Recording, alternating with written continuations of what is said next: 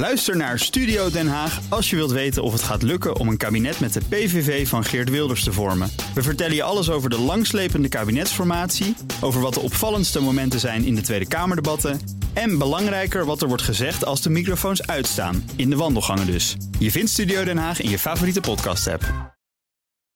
7 voor 9, het is vrijdag en dan gaan we uiteraard naar het autonieuws met uh, Nout Broekhoff van de Nationale Autoshow. Nout, goedemorgen. Goedemorgen Bas.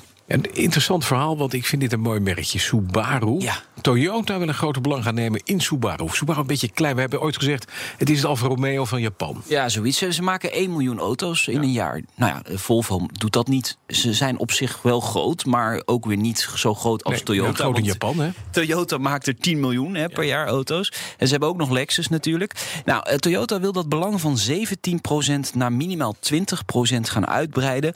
Eh, bestuurders van die autofabrikanten die komen vandaag bijeen. Dat meldt zakenkrant Nikkei. Een investering zou het zijn van 650 miljoen dollar.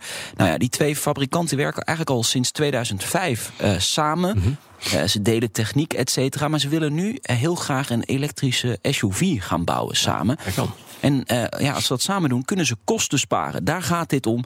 En eh, ja, dat grotere belang, dat gaat waarschijnlijk vandaag aangekondigd worden. Oké, dan een, eh, een nieuwe campagne tegen hufterigheid op de weg door Veilig Verkeer Nederland. Ja. Hoeveelste campagne is dat tegen hufterigheid eigenlijk? Ja, ik denk eh 133ste of zo- zoiets. Ik ook, ja. Ehm, maar ik vraag me wel af wat Veilig Verkeer Nederland veronderstelt onder heftig gedrag eigenlijk. Want ze, ze vragen nu aandacht voor 1 à 2 kilometer te hard in een woonwijk. Natuurlijk, dat moet je niet doen.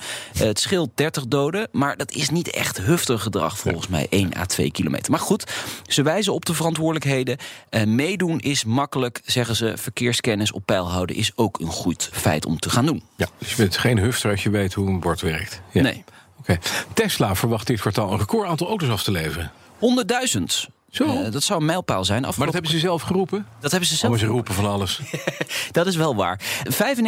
95.000 hebben ze er eh, vorig kwartaal afgeleverd. Mhm. Eh, het aantal bestellingen ligt veel hoger, zegt Tesla. Natuurlijk zeggen ze dat. Model 3 eh, wordt wel al flink afgeleverd natuurlijk wereldwijd. Maar het lukt niet altijd om ze even op tijd te leveren. Dat zeggen ze er wel bij. Maar die 100.000, die barrière moeten ze dus gaan slechten dit kwartaal. Levering in Nederland, die gaat wel hard hoor, volgens mij. Dat gaat echt om duizenden auto's op dit moment. Want dat komt door die verandering in die bijtelling. Hè. Vanaf 1 januari gaat die bijtelling op elektrische auto's van 4 naar 8. En dan komt niemand meer een Tesla. Precies, dan willen, de, willen de zakelijke rijders nog snel even een Tesla. Een ding hebben. Ja. Dan is er een teken van leven van Maserati. En dat vind ik altijd fijn. Ja, Er is hartslag geconstateerd. er is hartslag gekomen. Ja, absoluut. Ja. Volgend jaar, eh, dat dan weer wel. We moeten nog heel even wachten, Ja, toch ja, was. ja. Er komt de Ghibli eh, als eerste hybride van het merk. En daarna komt er een nieuwe compacte SUV. Dus niet meer de Levante, maar een kleinere. Een kleinere. Ja. volledig elektrisch.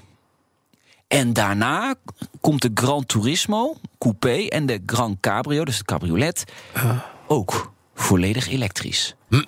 dus ik weet niet of jij dit nieuws van Maserati heel erg kan appreciëren. Nee, dit is meer de de Maserati bouwt defibrillatoren en zet er wielen onder. Dat is een beetje het idee. Zo- ja, zo zou je het ook Dat is ook een teken van leven. Dankjewel. maar het is een teken van leven. Ja. Auw.